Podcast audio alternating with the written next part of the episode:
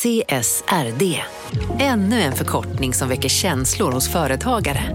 Men lugn, våra rådgivare här på PWC har koll på det som din verksamhet berörs av. Från hållbarhetslösningar och nya regelverk till affärsutveckling och ansvarsfulla AI-strategier. Välkommen till PWC. Välkommen till Unionen. Jo, jag undrar hur många semesterdagar jag har som projektanställd och vad gör jag om jag inte får något semestertillägg? Påverkar det inkomstförsäkringen? För jag har blivit varslad, till skillnad från min kollega som ofta kör härskarteknik på möten och dessutom har högre lön trots samma tjänst. Vad gör jag nu? Okej, vi tar det från början. Jobbigt på jobbet. Som medlem i Unionen kan du alltid prata med våra rådgivare. Ja, Hallå? Pizzeria Grandiosa? Jag vill ha en Grandiosa capriciosa och en pepperoni. haha, något mer? Med kaffefilter. Ja, Okej, ses samma. Grandiosa, hela Sveriges hempizza. Den med mycket på.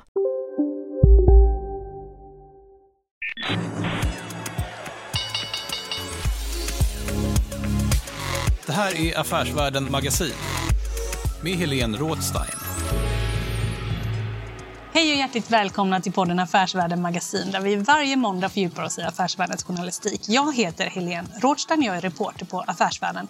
Och nu sitter jag här med Mia Edvall Insulander. Du är generalsekreterare på Advokatsamfundet och har suttit drygt ett år.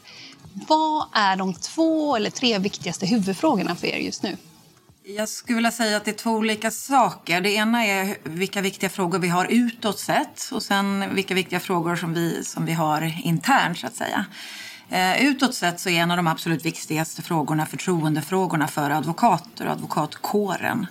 Och eh, med det hänger samman etiken. Eh, Det är en viktig fråga att eh, advokater ska agera etiskt och att de gör det och att de följer de etiska reglerna.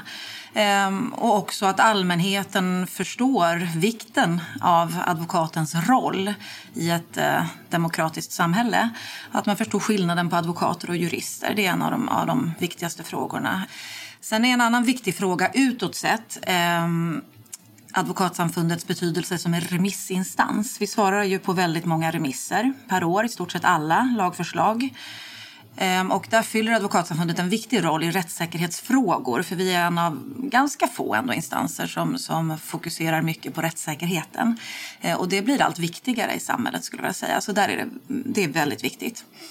Det är två frågor externt så att säga. Internt så tycker jag att en väldigt viktig fråga för Advokatsamfundet är att ena och, och, och hålla samman advokatkåren. För advokater är ganska jobbar med väldigt olika typer av juridik och på olika typer av byråer. Eh, och jag tycker att det är en jätteviktig framtidsfråga att, att ena och hålla samman eh, advokaterna och att alla advokater känner sig delaktiga i, i samfundet. Vad det gäller just etiken, den här frågan utåt, så har ju den också hamnat i strålkastarljuset i år. Inte, liksom också medialt, men även också halv, delvis internt. Justitiekanslern, JK, har ju drivit vidare en fråga från Advokatsamfundets disciplinnämnd där man tycker att ni borde varit hårdare. I, man borde ha utestängt en advokat. Och man har drivit den frågan vidare till Högsta domstolen. Kan man tänka vad det gäller etiken att ni kommer bli strängare framöver? Alltså generellt kan man inte svara så därför att alla disciplinärenden behöver ju prövas individuellt så att säga utifrån de förutsättningarna i just det fallet. Eh, men med det sagt vill jag säga att etiken är viktig och det är väldigt viktigt att varje ärende prövas eh, liksom på, ett, på ett korrekt sätt där man också eh, känner att, att det finns disciplinära åtgärder som möter upp eh, mot de övertramp som sker så att säga. Så att jag tror att vi har en väldigt viktig tid eh, framför oss framöver att pröva dem. Det finns ju flera ärenden nu som, som ligger hos disciplinnämnden just nu.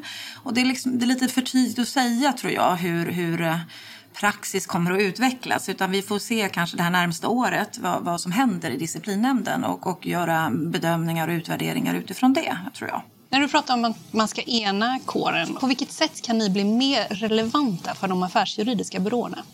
Ja, vi blir väldigt gärna mer relevanta för de affärsjuridiska byråerna. De affärsjuridiska byråerna klarar sig ju väldigt bra själva om man säger så. Alltså de, de är stora och liksom ligger ofta i framkant när det gäller liksom digitalisering och innovation och så. Så på det sättet så har ju inte de kanske samma behov av ett samfund som de kan ringa och rådgöra kring eh, digitalisering och så. Men jag tror att vi kan bli mer relevanta kanske som en slags sambandscentral. Alltså det är klart att det finns eh, frågor även för de stora affärsjuridiska byråerna som, som, som har stor betydelse där vi kan eh, föra en gemensam diskussion med många byråer samtidigt eh, och, och, kanske utifrån det diskutera vad är viktigt för, för er alla så att säga. Att, att eh, ena på det viset och vara en slags sambandscentral tror jag. Kan du ge något konkret exempel på när ni har agerat sambandscentral? Ja, ett tydligt exempel har varit nu under det här året som har varit eh, i relation till Juno som är ju en juridisk informationstjänst som Norstedts juridik startade för eh, drygt ett och ett halvt år sedan nu.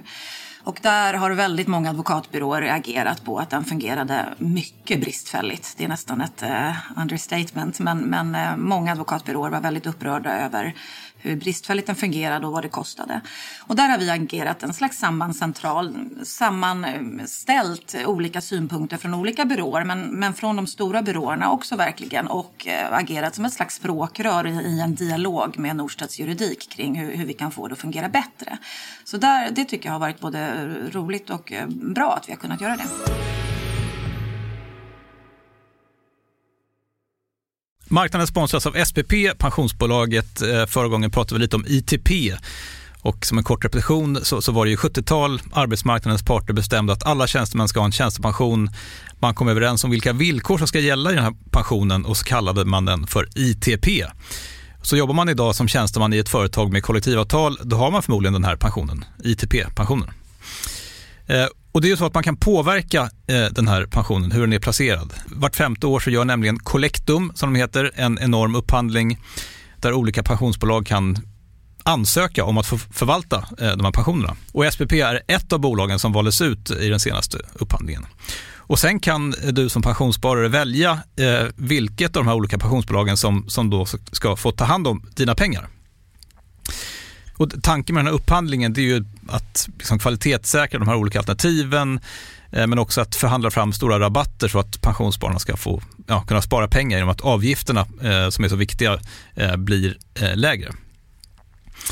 Och vill man välja någonting i ITP-systemet då finns det en relativt ny sajt som heter avtalat.se. Ehm, där kan man gå in och se hur sin ITP-pension är placerad. Jag gjorde det häromdagen faktiskt. Ehm, idén är att hälften av pengarna alltid ligger i något som kallas för traditionell försäkring. Det här gjorde vi ett avsnitt om i podden Kapitalet nyligen eh, som vi kallade världens bästa sparform. kan man lyssna på om man är intresserad. Eh, den andra halvan eh, den kan man också lägga i en traditionell försäkring eller så kan man placera det i något som kallas för fondförsäkring. Eh, SPP som sagt eh, var ju ett av de fåtal bolagen som valdes ut i den senaste upphandlingen och de finns med som alternativ både med en traditionell försäkring och med eh, fonder. Så det var en liten bakgrund till ITP-systemet. Vill man läsa mer om det här eller typ kolla hur ITP-pensionen är placerad, eh, kanske göra förändringar, då går man in på avtalat.se. Eh, men tack säger jag till SPP som vill göra oss människor mer medvetna om hur enormt viktig pensionen är för oss som en framtida lön, men också som en positiv kraft i samhället eh, och förstås för att ni möjliggör eh, den här podden Marknaden. Du lyssnar på Affärsvärlden Magasin med Helene Rådstein. Under den här tiden, du har ju suttit drygt ett år och det har ju inte varit vilken period som helst kan man ju lugnt säga. Va? Ja. Vad har coronakrisen fått för konsekvenser för de svenska advokatbyråerna? Den främsta konsekvensen tror jag som man tänker på är ju digitaliseringen, att den har fått påskyndas eh, helt enkelt. Ehm, där är det också en viss skillnad mellan stora och små byråer. De stora byråerna låg redan ganska långt fram i digitalisering och, funderingar kring eh, AI och så. De mindre byråerna har haft lite mm, tuffare med det, eh, tror jag, att, digitalisera. Men, men det är ju den, den stora ehm, förändringen, att man har behövt ha klientmöten, förhandlingar, skiljeförfaranden eh, digitalt istället för, för fysiskt. Eh, och det har påverkat advokatbyråerna jättemycket. Men sen påverkar det även i viss mån rättssäkerheten när det gäller digitaliseringen eh, förstås. Vilka utmaningar ser du vad det gäller rättssäkerheten med ökad digitalisering? Ja, alltså den, de främsta frågorna som vi har stött på på Advokatsamfundet är ju just i förhållande till när mål ska prövas, alltså processer. Eh, förhandlingar, förberedelser, eh, möten eh, där saker och ting ska prövas. Ehm, där finns det risker för rättssäkerheten i att det inte helt enkelt blir en, en fullgod prövning kan man säga lite generaliserande. När man till exempel ska hålla förhör per telefon eller eh, på, på, på länk så är det inte säkert att bevisvärderingen kan ske lika fullgott eh, som den gör när man, när man träffas fysiskt. Så att, det, eh, och det tror jag framtiden får utvisa lite grann hur, hur, det har, hur det har fungerat och vad det har fått för konsekvenser. Ni utbildar också advokater och ni har också vidareutbildningar och sådär. Har den verksamheten kunnat fortgå under pandemin? Det korta svaret är ja. Men vi har som alla andra behövt anpassa oss lite grann ibland från, från månad till månad eh, kring hur, hur utbildningarna skulle utföras med tanke på smittrisk, smittorisker helt enkelt. Eh, så att just nu, som läget ser ut nu i början på 2021 så genomför vi alla eh, våra utbildningar och examen digitalt. Eh, och det fungerar väldigt bra. Vad har ni fått för respons om det har dröjt kring att man kan då bli advokat till exempel? Och, och varför är det viktigt att det ska gå fort? Ja, bra fråga. Eh, det är klart, för de enskilda juristerna som vill bli advokater så är det ju jätteviktigt förstås. Att har man tänkt sig att nu är det dags för mig att bli advokat så har ju det betydelse förstås för den enskilda personen. Och då framförallt under våren så blev det förseningar. Eh, I mars-april där så ställde vi in helt. Eh, och då blev det vissa förseningar. Eh, men sen har vi som sagt eh, vi har tagit igen det. Så att det, det är inget som har blivit så försenat tror jag så att det har liksom påverkat särskilt mycket. Vi har, vi har hunnit ikapp så att säga. Och vi kan också se att det är inte färre personer som har blivit advokater år 2020 än vad det blev 2019 utan tvärtom så är det fler. Så på det sättet så har vi hunnit med. Eh, men, men bitvis under den här perioden så har vissa varit kritiska och undrat över varför, eh, varför det har blivit försenat. Och då har vi försökt förklara det utifrån smittskyddsläget helt enkelt. Och att, att vi, gör, vi arbetar på så, så snabbt vi kan helt enkelt. Pandemin har ju inneburit en rad nya lagar. Du pratade här tidigare om att ni är en remissinstans. Ni har väl fått en hel del att göra kan man säga. När det är nya lagar som kommer och som på kort tid ska börja gälla, vad får det för konsekvenser för rättssäkerheten? Ja, det kan få stora konsekvenser om nya lagförslag inte får tillräcklig tid på sig att utredas och analyseras. Det är därför vi har, Sverige är generellt sett känt för att ha ganska långa utredningstider och remisstider och så. I grund och botten är det någonting bra.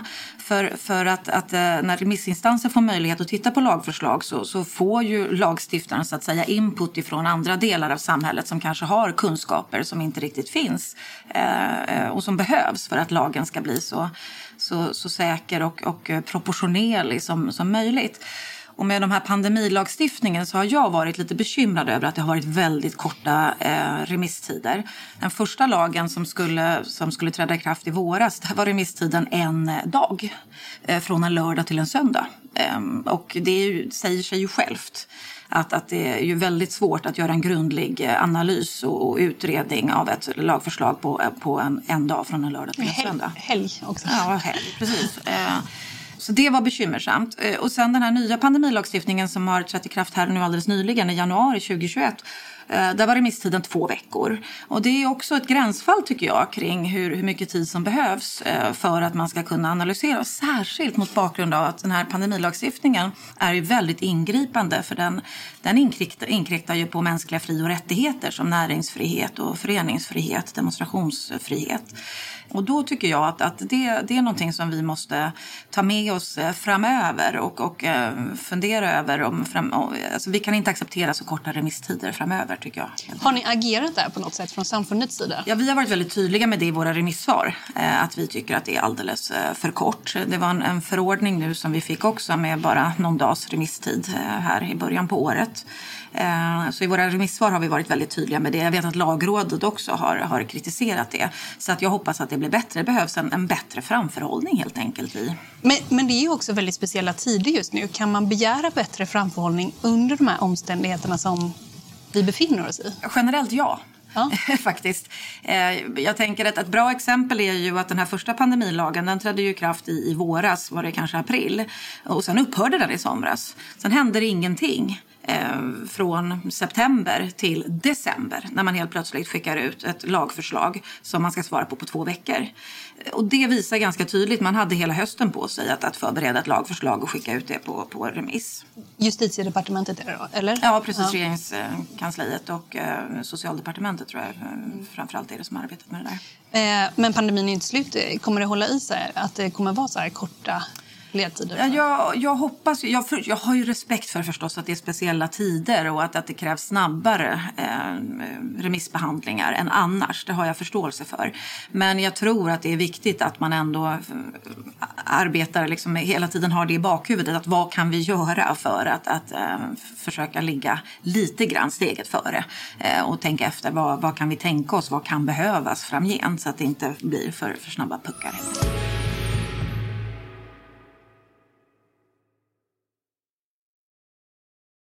Eh, marknaden sponsras av Karla.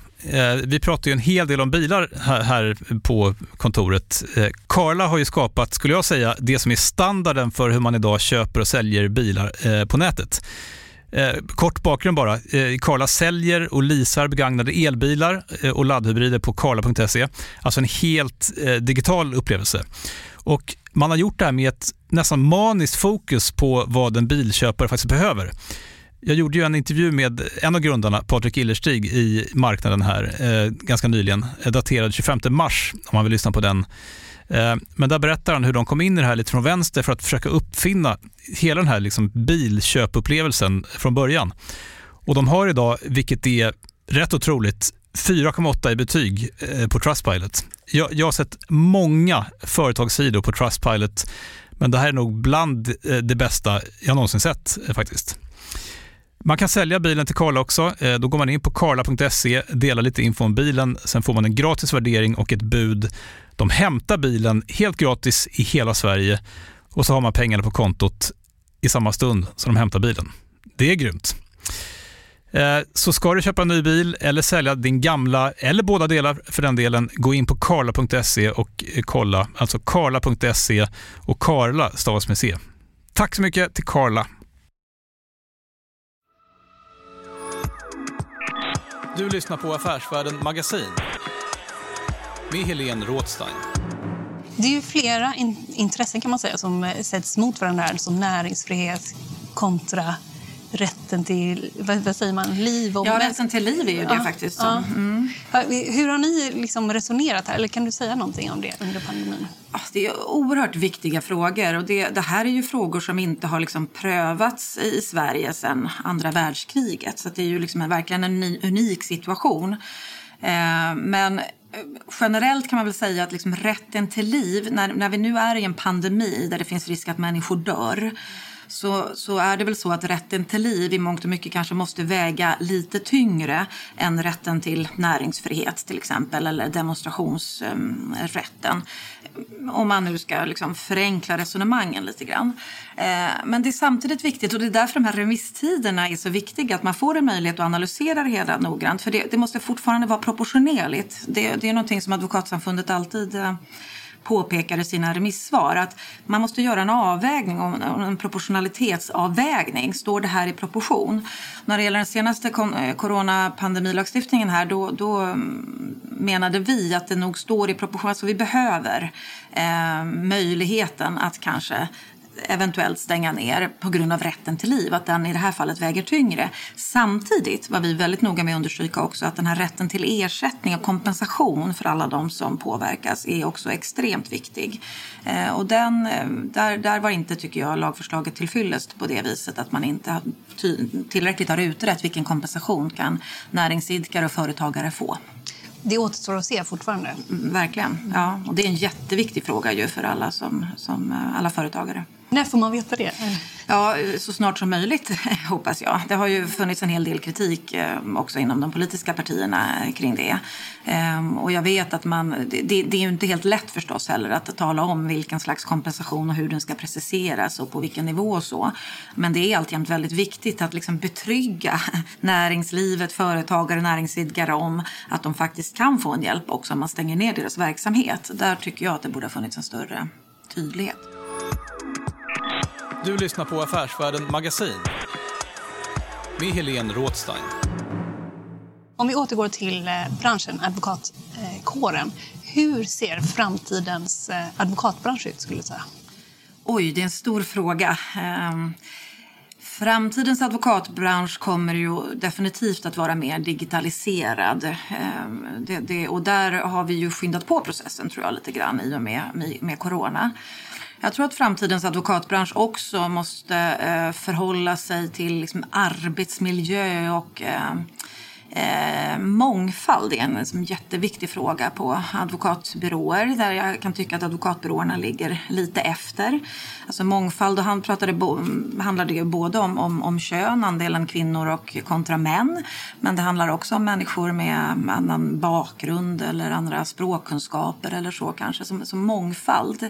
Det är viktigt tycker jag på fram, i framtidens advokatbyråer att de liksom återspeglar samhället kanske lite bättre än vad de gör idag. Så att, eh, jag hoppas ju att eh, framtidens advokatbyråer återspeglar, kommer att återspegla samhället lite mer. Är det viktigt ur någon särskild juridisk aspekt att det är så? Alltså det är viktigt för att möta klienternas behov. Mm. En advokat är ju till för sin klient. Eh, hundraprocentigt lojalt och oberoende. Eh, och eh, klienter eh, återspeglar ju hela samhället. Det finns ju alla typer av klienter. Och då pratar vi både om företag men privatpersoner och så. Och jag tror att det, om, om advokaterna ska vara de bästa rådgivarna. Vi har ju inte advokatmonopol i Sverige så att en klient kan ju vända sig till en, en jurist som inte jobbar på en advokatbyrå. Men om advokatbyråerna liksom ska, ska behålla det förtroendet de har idag och sin position så tror jag det är väldigt viktigt att, att de kan möta alla typer av klienter. Och det gör man nog bäst genom att, att en, en eh, mångfald och att det som sagt återspeglas i, i de som jobbar på advokatbyråerna också. Frågan om mångfald är knappast ny. Alltså man har ju sett också till exempel advokatfirman Vinge har haft ett mångfaldssamarbete eh, med Angereds gymnasiet till exempel. Man har också haft Centrum för rättvisa som drev ett eh, case mot Uppsala universitet där, som gällde just mångfald. Att man hade tagit in personer med annan bakgrund före dem med bättre betyg. Jag tror Centrum för rättvisa vann. Men det är ingen ny fråga. Vad kan ni från samfundet göra för att öka mångfalden inom kåren? Vad vi främst kan göra tror jag är att, att diskutera och väcka en, en, debatt och diskussion kring det här. Och lite grann som det jag sa förut, vi kan vara en, en sambandscentral kring att liksom, nu låt oss prata om de här frågorna allihopa tillsammans. Så att det inte blir liksom för, för enskilt och förstängt. Utan eh, där, där tror jag att vi kan vara en viktig sambandscentral i att, att belysa och få fram eh, frågorna ännu tydligare på agendan helt enkelt. Då säger jag tack till dig Mia Edvall Insulander för att du var med här. Tack. Du har lyssnat på podden Affärsvärlden Magasin med mig, Helene Rothstein. Mer fördjupande reportage, artiklar, analyser hittar du på affärsvärlden.se. Och där kan man ju förstås också beställa en prenumeration om man vill.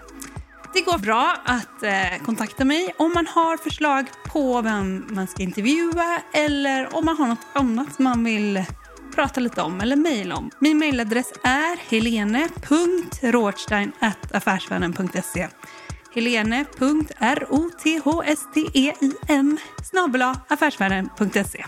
Och den här podden, den är tillbaka om en vecka. Håll ut!